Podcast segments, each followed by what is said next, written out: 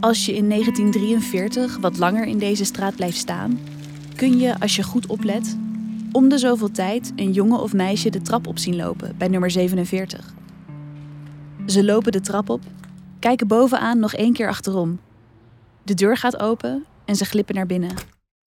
De man die de deur open doet is professor Jacobus Oranje, hoogleraar rechtswetenschappen aan de VU. Hij neemt zijn studenten mee naar zijn woonkamer of studeerkamer. Daar, bij hem thuis, neemt hij tentamens af. Clandestien. Dat moet wel, want de universiteit is gesloten.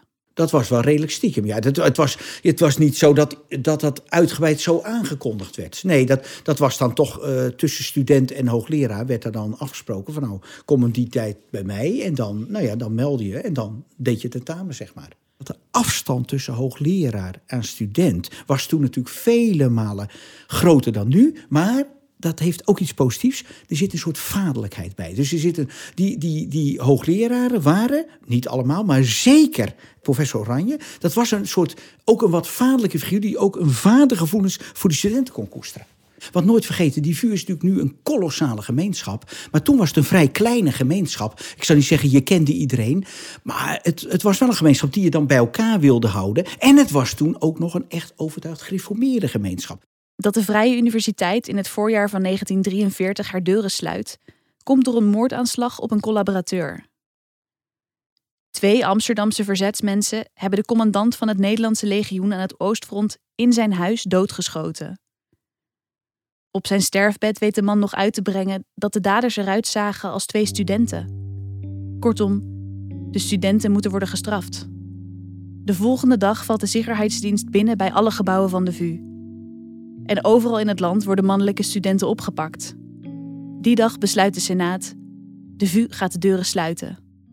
De Duitsers wilden de studenten dwingen een loyaliteitsverklaring af te leggen, waarin ze verklaarden dat ze loyaal waren aan het nu gevestigde gezag, dus het Duitse gezag, en eh, dat zij niet zouden ondernemen tegen dat gezag. Dit is historicus Gjalt Zondergeld.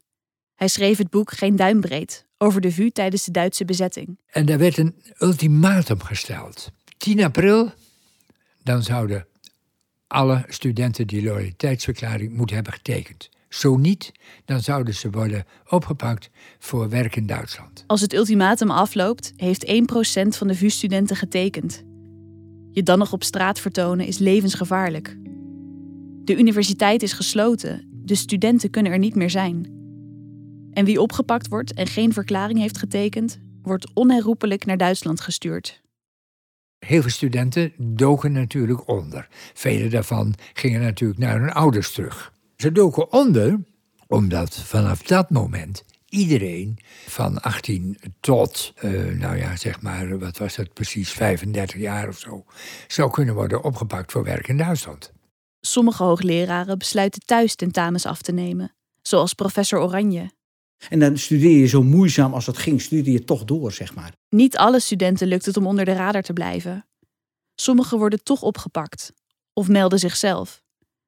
Professor Oranje laat het er niet bij zitten. Die, hij wist natuurlijk, die studenten zijn gewoon opgepakt voor die arbeidsinzet. Dus die zijn eigenlijk zonder dat ze dat willen, eh, zijn ze, zijn ze gevangen genomen. En hij, hij gaat er naartoe om ze, ja, om ze in zekere zin moed in te spreken. En ook om te kijken hoe het met ze gaat. Professor Oranje reist tijdens de oorlog naar Duitsland om zijn studenten te bezoeken, die daar als dwangarbeider werken. Eh, die werden daar te werk gesteld, meestal in uh, wapenfabrieken die op een of andere manier voor uh, de oorlog van belang waren natuurlijk. Die dus ook zwaar gebombardeerd werden. Moet je je voorstellen, al die steden waar ze zaten. Hamburg, Bremen, in het Roergebied, Berlijn. Heel veel studenten zijn natuurlijk dwangarbeiders zijn ook omgekomen door geallieerde bombardementen. Mensen kunnen natuurlijk niet zomaar naar Duitsland reizen. Maar Oranje werkt als jurist voor een aantal metaal- en ijzerbedrijven die belangrijk zijn voor de oorlog. Daarom heeft hij een speciale pas waarmee hij wel Duitsland in kan reizen. Bijvoorbeeld in Berlijn, daar duikt dan opeens Oranje op en houdt een toespraak. Dat sterkte ze natuurlijk in hun moreel. Hij wekte hen natuurlijk ook op als je enigszins kunt, probeer te ontsnappen. Dat kon. Jacobus Oranje zit ook op andere manieren in het verzet. Maar daarover later meer. Eerst vervolgen we onze weg, het kleine stukje naar de Van Breestraat. Want hoewel er veel verzetsmensen bij de VU zitten, kiest niet iedereen de kant van het verzet.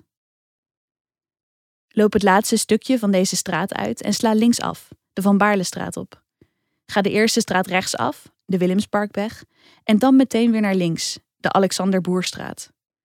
In de eerste straat rechts vind je de Van Breestraat nummer 14.